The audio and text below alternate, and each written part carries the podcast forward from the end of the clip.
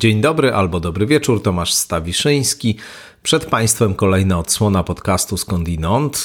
Na początku ogłoszenia parafialne. Po pierwsze, jeśli Państwo słuchają tego odcinka no, w niedzielę rano 21 maja, czyli tak mniej więcej jak e, pojawia się on e, w powszechnej dostępności, to bardzo serdecznie zapraszam jeśli Państwo zdążą, na Stadion Narodowy o godzinie 11 na stoisko wydawnictwa Znak. Tam będę podpisywał, mówię będę, ponieważ e, no, nagrywam to dla Państwa odpowiednio wcześniej.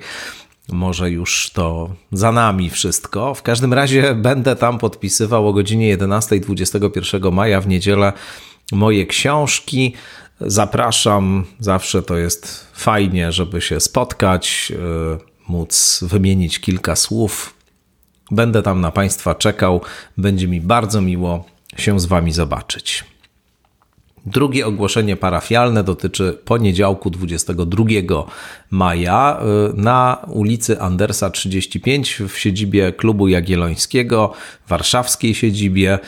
Będę w ów poniedziałek 21 maja debatował wraz z Konstantym Pilawą o kulturze terapeutycznej. To jest temat, który poruszaliśmy w rozmowie z Konstantym Pilową Skądinąd jakiś czas temu. No i do takiej debaty zostałem właśnie zaproszony, więc z przyjemnością to zaproszenie przyjąłem. A poprowadzi tę debatę Karolina Olejak. No i jeszcze jedno mam ogłoszenie dla Państwa dotyczące Szczecina i okolic Szczecina. Jeśli ktoś nas słucha w tych właśnie okolicach, no to zapraszam na wtorek 23 maja y, na godzinę 18 do Zamku Książąt Pomorskich w Szczecinie. Tam będzie spotkanie autorskie moje z okazji e, reguł na czas chaosu. No i ja oczywiście będę brał udział w tym spotkaniu, a poprowadzi je dr Bogdan Balicki, z czego bardzo się cieszę, bo cenię bardzo Bogdana Balickiego i Miło mi bardzo, że się zdecydował właśnie, żeby to spotkanie ze mną e, poprowadzić we wtorek 23 w Zamku Książąt Pomorskich w Szczecinie. No dobrze, to jak już przy ogłoszeniach jesteśmy, to ja od razu podziękuję tradycyjnie patronkom, patronom, subskrybentkom, subskrybentom za wszystkie wyrazy wsparcia materialne i niematerialne. Dziękuję, bez Was ten podcast by nie istniał. Dziękuję też firmie StrategyWise, ekspertom do spraw komunikacji za takie wsparcie e, na Patronite, bardzo substancjalne. No i cóż, e, przed Państwem teraz Aleksandra Przegalińska, znana Wam doskonale, już nie pierwszy raz w podcaście Skądinąd się pojawia. Jakiś czas temu y, Ola opublikowała na swoim Facebooku taki wpis, w którym odniosła się krytycznie do tych różnych apokaliptyczno-katastroficznych scenariuszy związanych ze sztuczną inteligencją. Zaroiło się od takich właśnie diagnoz stanu rzeczy i tego, co nas czeka w związku z AI. No i pomyślałem, że to jest dobry punkt wyjścia do tego, żeby właśnie o tych konstruktywnych i niekonstruktywnych sposobach ujmowania tego tematu trochę porozmawiać. Czasu nie mieliśmy wiele, znaczy mieliśmy całkiem sporo, ale jak na standardy naszych tutaj rozmów, to było go trochę za mało. No ale takie są realia, akurat tak się złożyło, że dłużej nie mieliśmy możliwości rozmawiać. W każdym razie te wątki, które się tutaj pojawiają, będziemy kontynuować. A myślę, że to dla wszystkich, którzy się stykają z różnymi opowieściami o sztucznej inteligencji, o różnych zagrożeniach, które mogą się z nią wiązać, będzie ciekawe to wszystko, co Aleksandra Przegalińska ma tutaj do powiedzenia. No dobrze, to nie przedłużając, przed Państwem Aleksandra Przegalińska.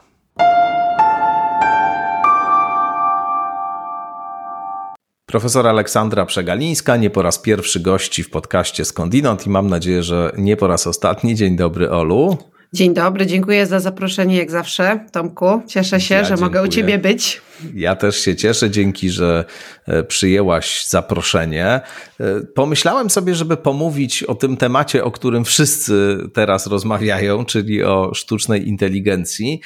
E, kiedy zobaczyłem Twój wpis wyrażający swoiste zniecierpliwienie wpis na Facebooku. Zniecierpliwienie tym tonem katastroficzno-apokaliptycznym, który rzeczywiście zaczął w różnych komentarzach dotyczących sztucznej inteligencji dominować. Hmm. No i to jest rzeczywiście tak, jak napisałaś, że dużo jest takich zupełnie znienacka samo ustanowionych ekspertów od tematu, którzy się tej sprawie zaczęli wypowiadać właśnie w takich mrocznych tonach, ale też e, trzeba powiedzieć, że dużo osób, które się od lat tym zajmują, albo wręcz które bezpośrednio e, współtworzą tę rewolucję technologiczną związaną ze sztuczną inteligencją, też właśnie w takich tonach dosyć minorowych mówi o hmm. tym, co nas może w przyszłości czekać. No, jest ten słynny list 22 marca opublikowany różnych e, ludzi związanych z wirtualnym biznesem, czy też e, intelektualistów ala Yuval Harari na przykład, którzy apelują z Elonem Muskiem na czele, czy Janem, Janem Talinem, żeby no, zawiesić przynajmniej na jakiś czas pracę nad AI, żeby się zorientować w ogóle o co chodzi i, i żeby jednak na, na jakiś czas przynajmniej powstrzymać to, ten postęp technologiczny. Także y, współtwórca y, czata GPT, Sam Altman, y, czyli CEO firmy, która, y, która właśnie czata GPT y, wypuściła, się wypowiada w takich tonach z, no, z dużą ostrożnością w każdym razie na temat tego swojego tworu. No i rzeczywiście dominuje taka narracja. Ty się temu e, żywiołowo przeciwstawiłaś. E, powiadasz, że jest to, e, no, jak rozumiem, przesada z jednej strony, z drugiej strony akcentowanie takiego wymiaru sprawy, którego niekoniecznie który niekoniecznie akcentować trzeba, bo można się koncentrować, tak jak ty to robisz, bardziej na konstruktywnych e, wymiarach sprawy. Powiedz może na początku właśnie o motywacjach stojących za tą mhm. twoją wypowiedzią jak w ogóle widzisz to, e, to katastroficzne poruszenie w tych kręgach tak. bezpośrednio związanych z AI. No, to jest oczywiście, wiesz, skomplikowana sprawa, dlatego że katastroficzne nuty, jeśli chodzi o dyskurs wokół sztucznej inteligencji, to są nie od dziś, tylko rzeczywiście przeszły do mainstreamu, można powiedzieć. To znaczy, prawda. pojawiają się były wszędzie. W science fiction oczywiście i w ale wiesz, w takim też. intelektualnym jakimś dyskursie wokół tej technologii, to oczywiście one się pojawiały, ale teraz po prostu e, otworzysz e, jakąś, wiesz, e, gazetę online i która nigdy się nie zajmowała tą technologią i po prostu nagle jest nagłówek na temat czata GPT i na ogół właśnie do niego dołączony jest jakiś taki wymiar straszenia typu kiedy zabierze ci pracę albo um, poza kontrolą I e, rzeczywiście ja muszę powiedzieć, że obserwuję to może z pewnego rodzaju zaniepokojeniem, e, dlatego że wytworzył się wokół technologii, której ludzie używają właściwie na co dzień w tej chwili, ja to widzę, jakiś taki bardzo silny, pesymistyczny dyskurs, bym powiedziała. I to jest dla mnie ciekawe, E, też obserwować, jak to się rozjeżdża z tym codziennym wykorzystaniem, bo ja znam bardzo dużo osób i takich związanych z technologią, i takich zupełnie niezwiązanych, które e, korzystają z czata GPT i w zasadzie odczuwają to jako ulgę pewnego rodzaju, jako wiesz, narzędzie do podnoszenia swojej produktywności. Ja nie przypadam za tą miarą, ale no powiedzmy, udaje im się robić rzeczy znacznie szybciej, e, sprawniej. E, ten czat raczej w takiej codzienności ich życie, no nie chcę powiedzieć, że odmienia na lepsze, bo to jest za dużo powiedziane, ale wspiera, czy tam pomaga. A z drugiej strony właśnie te wszystkie dystopijne wizje dotyczące naszej przyszłości z takimi narzędziami, jak ten czat się pojawiają i e, no ja e, stoję na takim stanowisku bardzo mocno, bym powiedziała, realistycznym. To znaczy, ja się już parę razy zdołałam przekonać, że kasandryczne wizje dotyczące technologii chyba są dosyć naturalną reakcją na jakąś innowację, która się pojawia. Tak było z początkami internetu, tak było z innymi e, technologiami i rozwiązaniami wcześniej, chyba poczynając od maszyny Gutenberga. Ta pierwsza reakcja to jest jakiś taki wstrząs i strach, bo pojawi się coś nowego, co przeorganizowuje nasze życie. A z drugiej strony potem ostatecznie wychodzi, że no nie jest aż tak źle, prawda, że nam się udaje wydeptać jakieś ścieżki w takiej nowej rzeczywistości, radzimy sobie z tą technologią, znajdujemy dla niej takie zastosowania, które są w miarę ok, nasz świat się oczywiście zmienia, ale nie jest to doomsday scenario, prawda, nie jest to absolutny koniec, e, koniec wszystkiego, więc ja mam takie e, chyba podejście no, oparte na silnym przekonaniu, że e, z tą technologią również możemy sobie poradzić, że to nie jest ostatnia technologia i technologia ostateczna. Jeśli chodzi o rzeczonego Yuvala Harariego, to e, właśnie często przypominam sobie jego rozmaite wizje jeszcze sprzed kilku lat, kiedy on właśnie e, zaczął się interesować mocno tematyką sztucznej inteligencji oraz rynku pracy i właśnie przepowiadał, że wszystkie księgowe i ludzie takich zawodów, które są oparte na pewnej wąskiej specjalności, e, stracą pracę, podczas gdy grupa kreatywna na pewno nie, e, dlatego że technologia kreatywna nie jest. No ale ci ludzie, którzy właśnie wypełniają jakieś tabelki, to już e, z całą pewnością pracę stracą w ciągu najbliższych tam miesięcy czy lat. No, e, księgowe nadal pracują, dostały do pracy nowe narzędzia.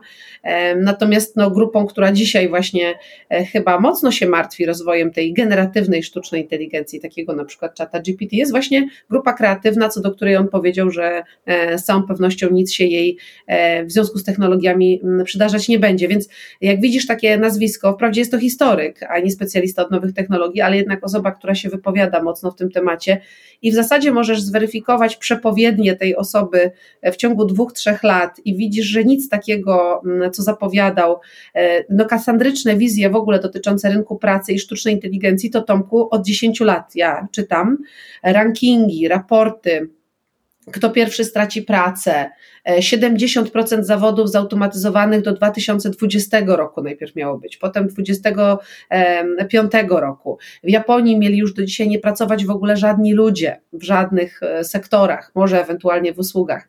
Więc ja w związku z tym zachowuję daleko posuniętą e, wstrzemięźliwość i to jest no, dopiero pierwsza część odpowiedzi na Twoje pytanie, hmm. więc może zanim przesunę się dalej, to jeszcze pozwolę Ci, pozwolę Ci jakoś zabrać głos, bo boję się, że to by był monolog mój kilkudziesięciominutowy. Nie, no, słuchaj, po, po, to, po to cię właśnie zaprosiłem, żebyś y, opowiedziała o tym, jak tę sprawę widzisz, ale ja się absolutnie zgadzam, że apokaliptyzm jest bardzo uwodzicielską narracją i on tak, się świetnie sprzedaje i silną y, oczywiście. E, ja mam dwie rzeczy właściwie. Jedna jest e, taka, że sam się właśnie nad tym zastanawiałem, jakie jest źródło akurat tego typu, znaczy nawet nie sceptycyzmu, tylko katastrofizmu właśnie otwarcie głoszonego w kręgach osób bezpośrednio zaangażowanych w wirtualny biznes i w felietonie dla Tygodnika Powszechnego trochę y, powiedziałbym przekornie nawet taką, nawet nie tezę, tylko pytanie postawiłem, czy to aby nie jest tak, być może, że w jakimś stopniu rzeczywiście jest to zagrożenie, ale dla tych wielkich e, cyfrowych korporacji, dla różnych monopoli, które one sprawują. E, no bo jak mm. oni się tak wszyscy nagle zaczęli troszczyć o ludzkość, wcześniej nie wykazując tej troskliwości specjalnie, co akurat Szeszana Zubow ciekawie opisała w swoim wieku kapitalizmu inwigilacji, że że jednak podstawowym obiektem troski był raczej, e, był, był raczej dobrostan e, samych korporacji, a nie, a nie ludzkość, no to we mnie to budzi pewne e, wątpliwości, ta szczerość tej troski o ludzkość właśnie w tym przypadku. To jest jedna rzecz, a, a druga rzecz jest taka, że jest taki argument, który jest wydaje mi się dość ciekawy. Jego sformułował chyba po raz pierwszy Nick Bostrom, postać e, pod wieloma względami interesująca, autor. Bardzo, e, ale tak. jeśli mogę ci tylko wejść w słowo, tak. to jest to osoba, która postuluje powrót do drzewek decyzyjnych sztucznej Tak, nie no w ogóle jest... Najprostszych absolutnie form algorytmicznych, tak. które z całą pewnością no wiesz, to jest w ogóle ciekawa konstrukcja, bo on by strasznie chciał, żebyśmy zatrzymali się po prostu na pewnym tak. etapie rozwoju technologii i już tam zostali, no więc nasza rzeczywistość, gdyby tak się zdarzyło, jak on postuluje, byłaby radykalnie inna od tego, co mamy. Być może w pewnych wymiarach lepsza. Może byśmy byli mniej uzależnieni od mediów społecznościowych, które personalizują nam treści, prawda, bo nie byłoby algorytmów pod takie zadania i tak dalej, ale No faktycznie byśmy gdzieś e, spotkali się w 91 i e, w tym 91 mniej więcej sobie zostali. Tak jak pamiętacie, jak sieć wyglądała Dobry wtedy, rok. to no świetny, świetny. Także Bostrom tak chyba w takiej książce Super Intelligence. Super inteligencja, tak po polsku to jest tak, to jest do, do tej książki się właśnie odwołuje. Superinteligencja jest to, jest to wydane po polsku, jakiś czas temu wyszło. Ale dodajmy też dla pełnego obrazu Nika Bostroma, że jest to również człowiek, który jest przekonany, że żyjemy w symulacji komputerowej generalnie. Mhm. Stworzył taki trylemat. Nie czas teraz, żeby o tym opowiadać, bo by nam to zbyt wiele miejsca tu zajęło i tak mamy mało czasu, ale jest w każdym razie takie jego rozumowanie, z którego wynika ponad wszelką wątpliwość, że żyjemy w e, symulacji komputerowej, więc ja taki się dzisiaj obraz... śmieję, ale oczywiście jak się okaże, że tak jest, to się słuchaj. nie będę śmiała. No wiesz, rozumowanie jest przekonujące. Trylemat Bostroma, jak Państwo wpiszą sobie w Google, to, to wyskakuje. Sam o tym też nawet pisałem.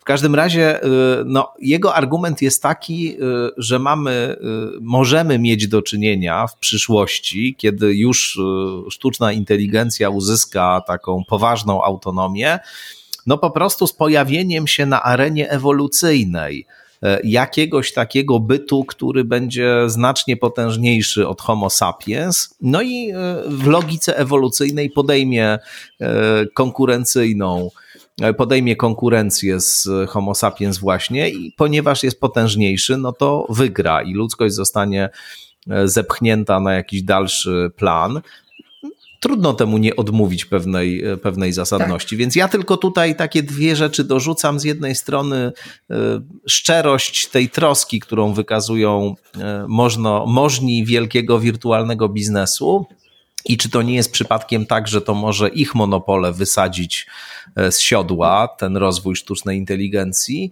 e, a z drugiej strony właśnie ten argument ewolucyjny czy ewolucjonistyczny, który mi osobiście się wydaje w każdym razie ciekawy i wart e, uwzględnienia. Mhm.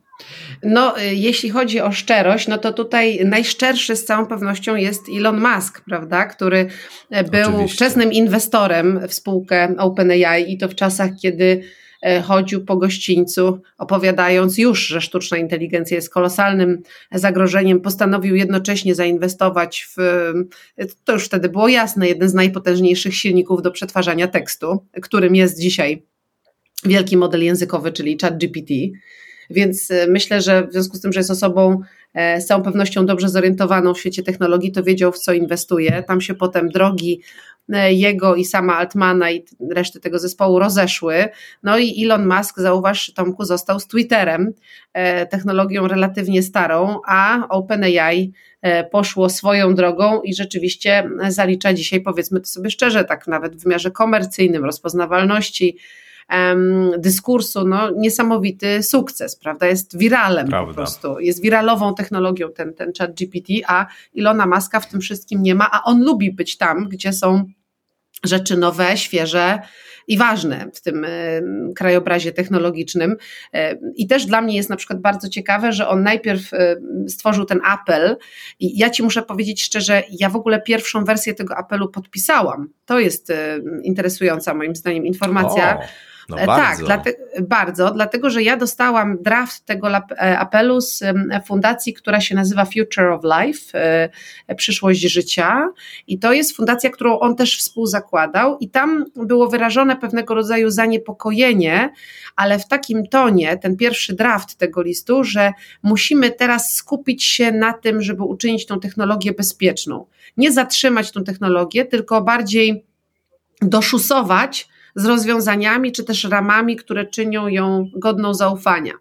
I mi się to ton tego listu podobał. Tak. Podobała mi się konstruktywny, konstruktywna taka jakaś taka wizja na przyszłość, że hej, mamy nową technologię, która nam naprawdę przeorganizowuje e, życie społeczne, naszą pracę pod wieloma względami, a jednocześnie jest tą czarną skrzynką, o której często się mówi, czyli nie do końca rozumiemy, jak działa. Spróbujmy stworzyć tutaj wokół tego jakiś szereg inicjatyw, który e, uczyni tą technologię bezpieczniejszą dla nas i lepiej my sami zrozumiemy, do czego chcemy ją stosować. I i e, mnie się to bardzo spodobało. Ja się pod tym podpisałam. Dostałam taką propozycję i z niej skorzystałam. ale potem zobaczyłam dzień czy dwa później, że ten list po prostu przechwycił, moim zdaniem, nie było to oczywiście wrogie przechwycenie, ale przechwycił Elon Musk, który nadał mu inny ton, nadał też inny ton w prasie całej te, całemu temu dyskursowi wokół tego listu. E, nazwał to po prostu zakazem rozwoju sztucznej inteligencji, e, takim stopem dla sztucznej inteligencji i e, no właśnie zaczął lansować taką ideę, że powinniśmy się kompletnie w tej technologii zatrzymać, a jednocześnie, kiedy ten list kilka tam tygodni, czy dwa, czy trzy później nie przyniósł pożądanego skutku, to Elon Musk orzekł, że on będzie tworzył własnego czata GPT, który się będzie nazywał Truth GPT, czyli będzie się ścigał po prostu z technologią, co do której uznał, że jest szalenie E, niebezpieczna. I, I, wiesz, jak przyglądasz się tego typu działaniom, to myślę, że to potwierdza tą tezę, o której mówisz, że to jakoś w mm. sposób fundamentalny czyjeś interesy tutaj narusza. Wyciek też bardzo ciekawy w kontekście Google'a, bo Google też tworzy takie narzędzie e, takiego konkurenta dla czata GPT, czyli Barda. I wyciek niedawno taki list, e, który w ogóle szedłby w tą samą stronę, co twoja interpretacja, gdzie jakiś pracownik, analityk powiedział, czy też napisał, że obawia się, że zwycięzcami tej nowej rundy e, technologicznego konkursu, nie wiem, no właśnie takiej e, konkurencji e, w związku z generatywną sztuczną inteligencją nie będą duże firmy, które ją dzisiaj tworzą, tylko o zgrozo open source, czyli no ruch otwartej współpracy, prawda?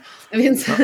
Z jednej wiem, strony jest... się cieszę, że, że moje intuicje jakoś się potwierdzają, z drugiej strony wyrastają one jednak z głębokiego antropologicznego pesymizmu, więc jednak wolałbym, żeby się nie potwierdzały. Jest tu dużo prawdy w tym wszystkim, chociaż mi się wydaje, że to jest nieprawidłowa diagnoza. Nie sądzę, mm. chociaż ja bym może nawet i chciała, żeby open source tutaj wygrał, ale sam fakt, że jest to przedstawione jako potężne zagrożenie, e, też wydaje mi się, e, też wydaje mi się znaczący tutaj w tym wszystkim. Więc e, wiesz, na pewno ten, ten komponent na naruszania status quo, na przykład sytuacji, w której wiesz, firma Meta, wcześniej Facebook, prawda, zajmowała się inną technologią, czyli metaversum. To się niespecjalnie do tej pory udało. Metaversum po prostu nie ma, nie korzystamy z niego.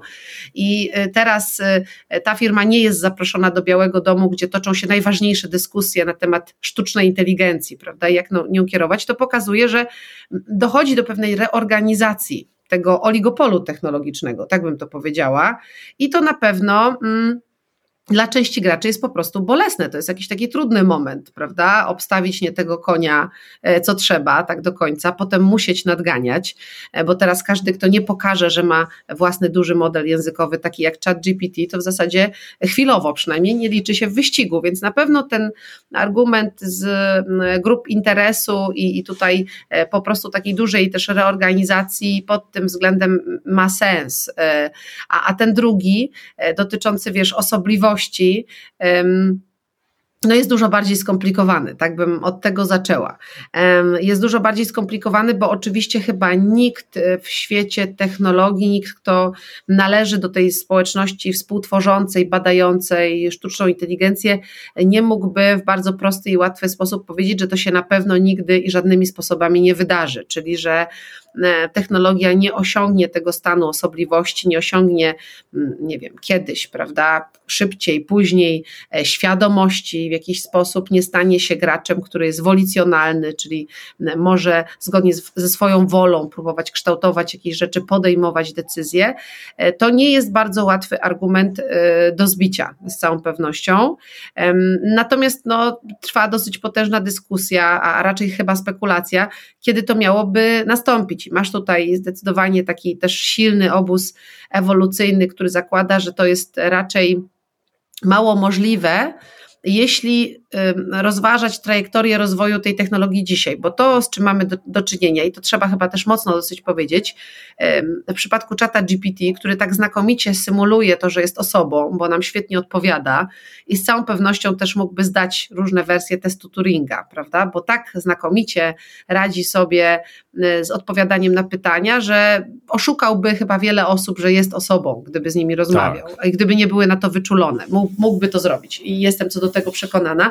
Więc y, to, tutaj trzeba powiedzieć, że to jest model statystyczny. To jest model, który znakomicie radzi sobie z badaniem wzorców zawartych w naszym zapytaniu i potem statystycznie wyszukuje najbardziej relevantną, najbardziej adekwatną odpowiedź w swoim silniku. Prawda? I on, czyli on porównuje. To jest trochę chiński pokój. Cały czas tam jesteśmy. Mm. Czyli on dostał po prostu znacznie lepsze instrukcje niż wszystkie modele do tej pory.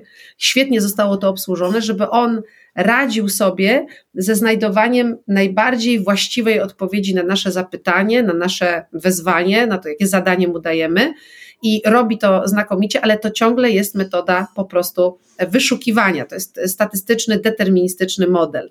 I jest sporo osób, które w związku z tym pytają, czy no, widząc, że takie modele mogą bardzo dużo zmienić w naszym życiu, bo są po prostu szalenie potężnymi narzędziami i mogą być bardzo dużym wyzwaniem, na przykład dla rynku pracy, mogą być bardzo dużym wyzwaniem w zakresie dezinformacji. O tym możemy sobie za chwilkę powiedzieć, bo tutaj moim zdaniem ryzyko jest autentycznie bardzo, bardzo potężne.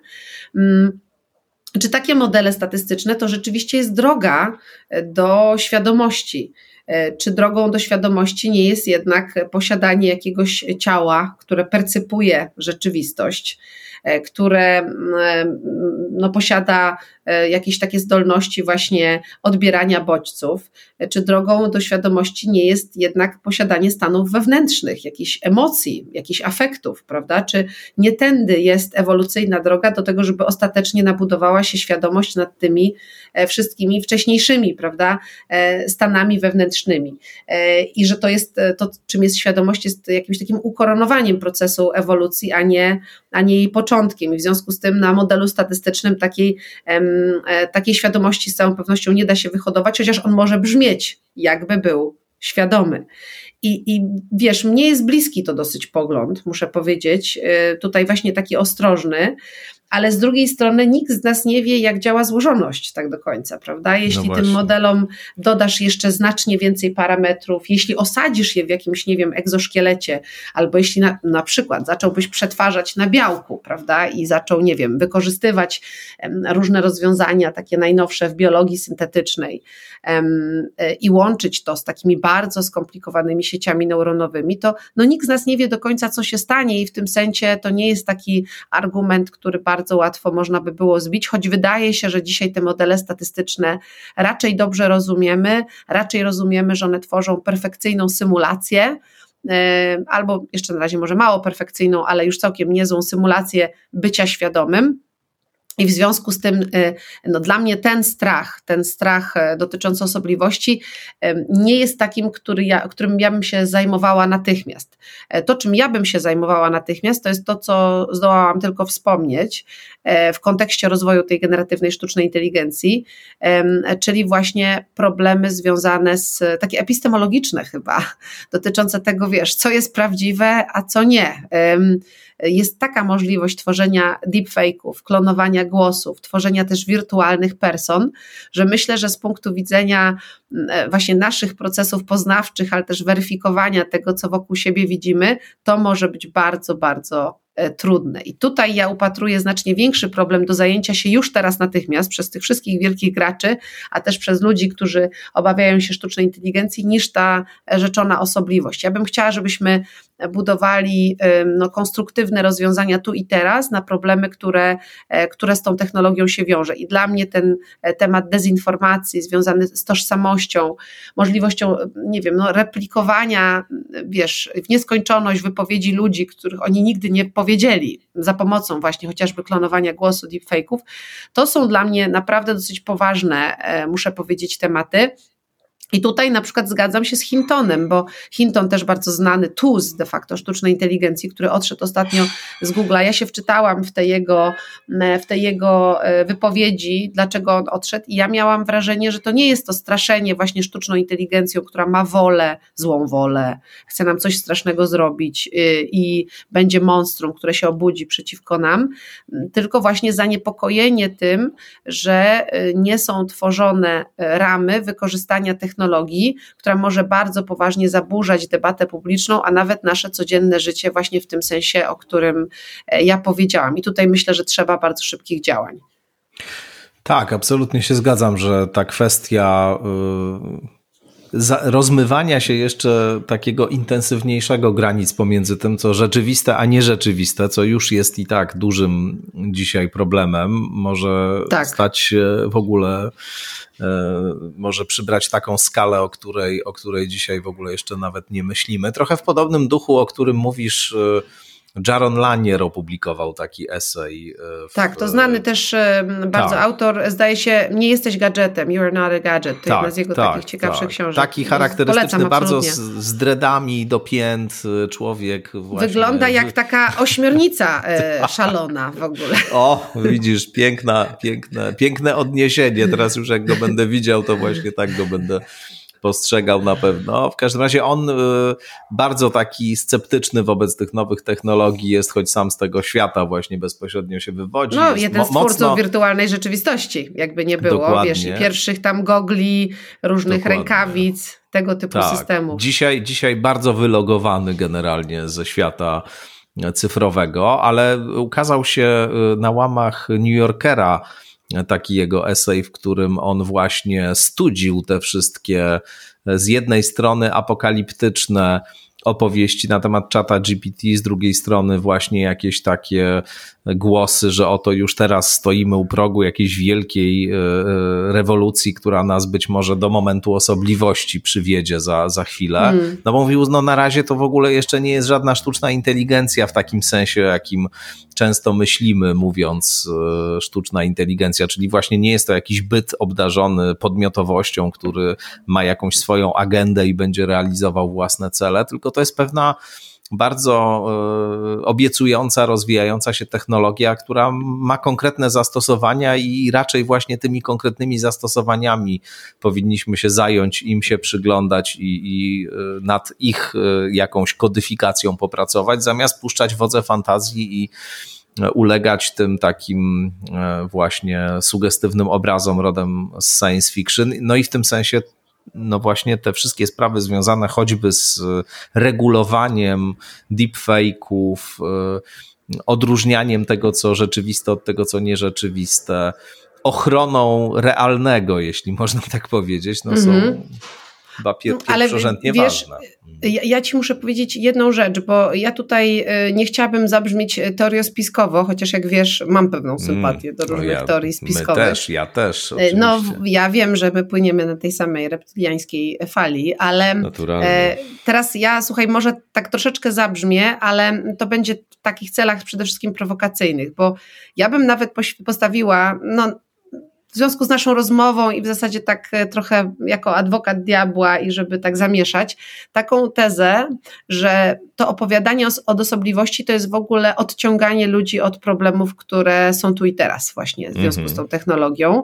Mm, nie wiem, czy ono ma charakter świadomy, czy to jest po prostu tak, że my w jakiś sposób dążymy, napawamy się takimi e, wielkimi wizjami, w tym wizjami apokaliptycznymi, więc o tym się ciekawie myśli, wiesz, jakby, że przyjdzie maszyna, będzie wielka walka, e, no nic po nas nie zostanie e, i tak dalej. To, to są na pewno rzeczy przerażające, ale jednocześnie jakoś tak paradoksalnie bardzo atrakcyjne dla ludzi. No Hollywood jest tutaj przykładem, prawda, eksploatowania silnego tego tak. wątku. Tak ale, ale jest w tym coś takiego, że ja mam wrażenie, że ta debata jest straszliwie nieuporządkowana, tak jakbyśmy trochę nie odrobili lekcji. Lekcji z mediów społecznościowych e, i ich dysfunkcji e, rozlicznych, bo zamiast właśnie rozmawiać przede wszystkim o tym, e, co jest bieżącym problemem, jak ewentualnie temu przeciwdziałać. E, kwestia deepfake'ów. Przecież nie nowa. Ja pamiętam, że rozmawialiśmy, Tomku, rok temu e, na temat e, tego, tak że prezydent Zełęński został zdeepfakeowany mm. i gdyby to było poprawnie zrobione i osadzone we właściwym kontekście i jakby on milczał jeszcze przez parę dni i nic by od nim nie wiadomo było, to przecież naprawdę taki deepfake mógłby sporo zamieszać i naprawdę być też bardzo niebezpieczny. Ja pamiętam tą rozmowę, bo to było wtedy, jak ja byłam w Stanach, Stanach. Ja mam wrażenie, że ten problem w ogóle nie ustał, on się wręcz przeciwnie nasilił. To znaczy, tu mamy do czynienia z bardzo dużym zagadnieniem. E, jak rozumiem, najnowsza ta regulacja dotycząca sztucznej inteligencji będzie próbowała jednak jakoś z tym zagadnieniem się mierzyć. Natomiast w tym, w tym dyskursie e, takim ogólnym to jest jej trochę za mało. Jest sporo na temat e, rynku pracy, co ja rozumiem, bo to jest wyzwanie dla rynku pracy i z całą pewnością, to wiesz, o tym możemy sobie jeszcze porozmawiać dzisiaj albo innym razem. Z pewnością są zawody, które zostaną dotknięte bardzo negatywnie rozwojem tej sztucznej inteligencji. Są zawody, które bardzo mocno się zmienią. No jest to jakieś takie przeobrażenie tego rynku pracy, z którym mamy do czynienia, ale znowu dla mnie w kategorii wyzwań bardziej niż takich fundamentalnych zagrożeń. Mm, no i mamy bardzo dużo tego dyskursu właśnie osobliwościowego. Ja też nie rozumiem do końca roli tego sama Altmana, e, mówiąc szczerze, w tym wszystkim.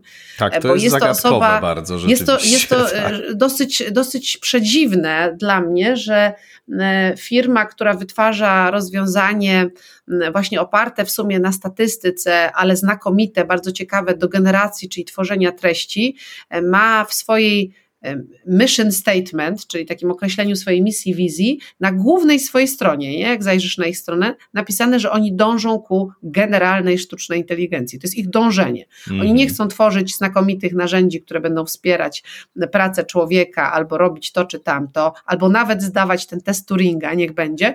Oni chcą zmierzać ku generalnej sztucznej inteligencji.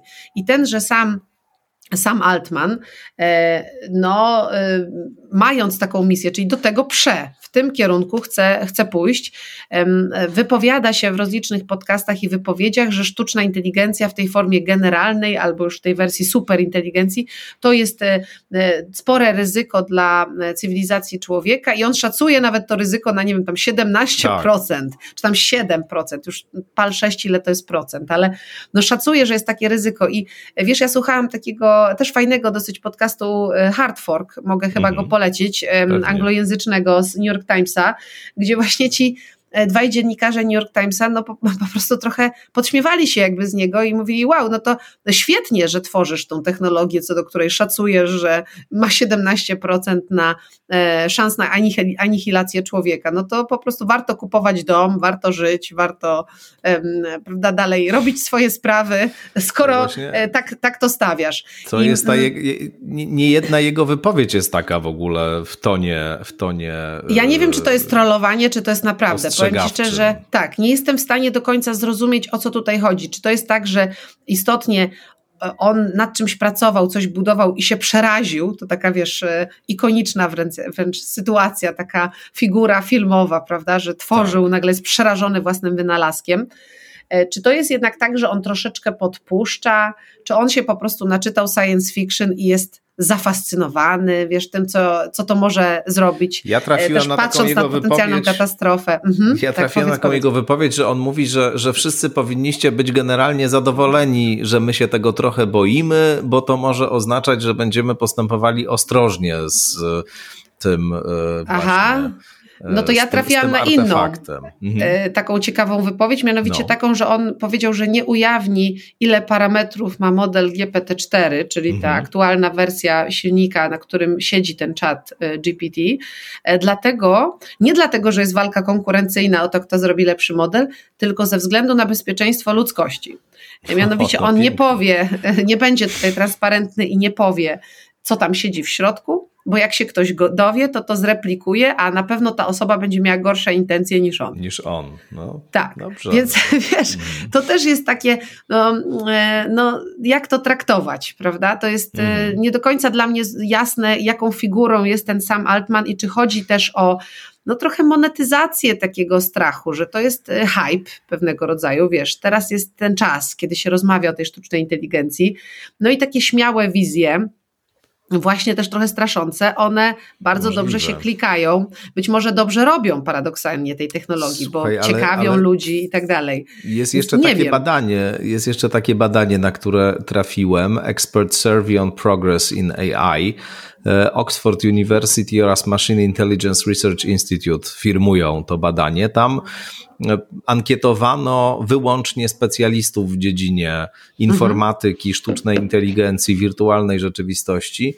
No i oni e, tam na 10% ocenili prawdopodobieństwo, że już niebawem ludzkość straci kontrolę nad sztuczną inteligencją mhm. i sprowadzi na siebie zagładę. Więc to w kontekście tych 17%, jakie daje sam Altman, wiesz, jeszcze tak. E, mi się No ciekawe. Tak. Ja to wtedy też nie wiem do końca, co, co to znaczy, bo ja mam wrażenie, że e, wiesz, stracić kontrolę to można na bardzo różne sposoby. To znaczy, już to dzisiaj prawda. sztuczna inteligencja jest będąc narzędziem, i znowu, tak jak mówię, to są modele statystyczne, jest bardzo niebezpieczna. Y, na bazie sztucznej inteligencji można tworzyć broń autonomiczną. Na bazie sztucznej inteligencji można tworzyć rozwiązania naprawdę potężnego nadzoru społecznego. E, które pozbawiają nas prywatności. Na bazie sztucznej inteligencji można manipulować ludźmi, można robić deepfake'i no to, to jest jakaś droga ku zagładzie, która nie do końca wiedzie przez osobliwość nawet, nie? To jest e, potencjalne, radykalne wykorzystanie nawet technologii, która jest w tej chwili, albo zróbmy sobie inne ćwiczenie, pomyślmy sobie o takich właśnie modelach i tutaj może akurat ten sam Altman w słusznym e, tonie się wypowiada, pomyślmy sobie o, o takich modelach bardzo zaawansowanych, bardziej niż te dzisiejsze w rękach takiego Kim Jong-una albo innego despoty tego świata, prawda? Więc to jest jako narzędzie na pewno niebezpieczna technologia i gdyby mnie ktoś poprosił, żebym ja wypełniła taki, taki survey, taki właśnie, takie właśnie badanie, to ja bym na pewno na te rzeczy zwróciła uwagę i ja bym powiedziała, że widzę Y, że, że widzę y, rozmaite e, problemy i widzę zagrożenia, bo, bo wydaje mi się, że byłoby strasznie krótkowzroczne, gdybym e, powiedziała inaczej. Tylko, że e, dla mnie chyba te zagrożenia to po, po pierwsze w ogóle nie jest powód, żeby się już wypisać z rzeczywistości i powiedzieć, to ja już nie robię, to ja dziękuję, to ja mhm. nie chcę w takim razie. To jest raczej zdecydowanie asumpt do tego, żeby intensywnie działać nad no, stworzeniem właściwych ram dla tej, e, dla tej technologii, bo moja intuicja jest jednak taka, że ona nie zniknie, e, w przeciwieństwie do klonowania. Nie będzie to technologia, którą wygasimy. Raczej wydaje się, że ona się dopiero rozkręca. I wydaje mi się, że w związku z tym lepiej by było, gdyby mm, no, umysły, e, osoby, ludzie, którzy e, pracowali w tej technologii dużo i mają doświadczenie i e, ogólnie sporo wiedzy na ten temat, raczej skupili się na tym, jak ją, jak, jaką wizję zaproponować teraz, teraz dalszego jej rozwoju. To wiesz, ja też w tym swoim poście o tym trochę pisałam, że chciałabym trochę propozycji na stole, a nie tylko gołego straszenia, dlatego że to straszenie skutki ma dosyć fatalne. Ja też na przykład uważam, że technologia zdemokratyzowana i transparentna jest jednak ostatecznie e, bezpieczniejsza dla nas wszystkich niż wersja tej technologii, o której mało wiemy. Więc w związku z tym ja bym raczej szła w tą stronę, żeby podnosić e, świadomość społeczeństwa, umiejętność korzystania z tej technologii, ale też krytyczny namysł nad nią, a nie no, nie wierząc w to, że ona może po prostu przestać być używana, chociażby w innych częściach świata, prawda?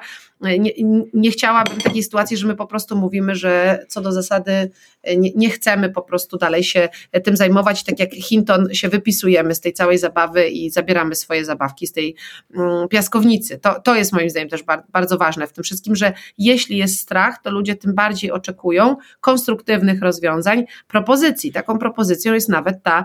Mm, regulacja e, dotycząca sztucznej inteligencji, która na jesieni wejdzie w życie pewnie. E, może ona jest e, troszeczkę niedoskonała, może ona jest kulawa, ale ona patrzy na sztuczną inteligencję z perspektywy ryzyk i proponuje pewne remedia. I to jest podejście, które mi jest znacznie bliższe mm, niż to, niż to drugie. I tak samo bardzo bliskie jest mi podejście które porządkuje trochę te problemy, czyli co jest dzisiaj problemem, czemu staramy się zaradzić, co potencjalnie jest wyzwaniem na przyszłość, a co jest pewnego rodzaju spekulacją. I dla mnie osobliwość jest jednak w tej trzeciej e, tutaj kategorii, więc ja bym chciała trochę ładu. I ostatnia rzecz, którą powiem, bo wiem, że tutaj dzisiaj bardzo tam monologuję mocno, ale... Bardzo dobrze. E, nie, no chciałam powiedzieć, wiesz, jeszcze jedną rzecz, e, taką dla mnie istotną. W przypadku mediów społecznościowych nie udało się zbudować mechanizmów, e, które by pozwoliły na fact-checking, które by e, sprawiały, że ta sieć jest przestrzenią bardziej transparentną. Nie jest tak, że nie było na to środków, zasobów, nawet, że chyba nie było pomysłów, prawda? Pomysły były. Skoro są bardzo um, szybko przychodzące pomysły, jak ludzi uzależnić, prawda, od sieci, dając im możliwość lajkowania, e, zbierania tych głasków w sieci i tak dalej, skoro można wykorzystać różne mechanizmy psychologiczne do tego, żeby ludzie w tej sieci spędzali masę czasu i w tych mediach społecznościowych też masę czasu scrollowali i to jest jakoś bardzo zaopiekowany temat, jak to zrobić najlepiej, żeby jednak tym ludziom więcej sprzedać, to z całą pewnością, gdyby poświęcić drugie tyle uwagi temu, żeby to była sieć bezpieczniejsza, bardziej transparentna, po prostu kompletnie zmienić jej design na taki, w którym my więcej się zastanawiamy, kiedy z niej korzystamy, a mniej popadamy w ten amok scrollowania, no to gdyby tak się stało, to pewnie byśmy mieli z czym innym do czynienia. I z każdą kolejną technologią jest tak samo. E, sztuczna inteligencja dzisiaj jest po prostu narzędziem, ona się sama nie wytwarza, ona nie ma swojego um, takiego jakby determinizmu, prawda, We, wewnętrznego, że ona musi być jakaś, musi się wytworzyć. Ja wiem, że są takie hipotezy. E, McLuhan na przykład trochę tak chyba uważał, że technologia się wytwarza i dąży tak. gdzieś, prawda, mm, ale mi się jednak wydaje, że mm, mm, moje obcowanie z technologią raczej zakłada, że są, są możliwości innego podejścia, ale one są zawsze osadzone w pewnego rodzaju systemach na przykład w kapitalizmie albo w jakiejś jego wersji takiej czy innej. I w związku z tym wydaje mi się, że to nie jest tak, że my możemy tylko rozłożyć ręce i powiedzieć, no tu się już nic nie da zrobić, prawda? Ta sztuczna inteligencja będzie nami manipulować, a my będziemy jak te owce na to po prostu patrzeć, tylko wręcz przeciwnie, no to skoro się da wytworzyć tak niesamowite modele, które takie rzeczy robią, to z całą pewnością da się wytworzyć wokół nich najróżniejsze inne rozwiązania, jeśli te same tęgie umysły się tym zajmą. To jest moja, wiesz, perspektywa, to jest Stasi Bozowskiej, e, pozytywizmu, a też weźmy się do roboty, taki, taki bardzo może dobrze, to jest, to jest myślę bardzo potrzebne, wiesz, w epoce, w której wyobraźnia już nam po prostu odjeżdża kompletnie i, i różne nas uwodzą apokaliptyzmy i, i, jakieś świetlane albo właśnie mroczne strasznie wizje, to jednak myślę, że takie wezwanie do pracy u podstaw i, i do takiego trzymania się realnego jest bardzo ważne. Także bardzo Ci serdecznie dziękuję za to spotkanie i tę rozmowę. Czasu nie mieliśmy dzisiaj wiele, ale myślę, że w ogromnej kondensacji i uporządkowany sposób przedstawiłaś tutaj mnóstwo niezwykle ciekawych i ważnych treści. Także bardzo Wiesz, jestem taka trochę podburzona, sama, sama się podburzam cały czas, w związku z tym przepraszam dzisiaj za monopolizację mikrofonu, ale możemy umówić się następnym razem, Pewnie. że porozmawiamy na przykład o, o, wiesz, automatyzacji pracy, bo to jest bardzo ciekawy też moim zdaniem wątek Super. i też y, dużo tutaj jest spekulacji i pewnie sobie więcej podialogujemy.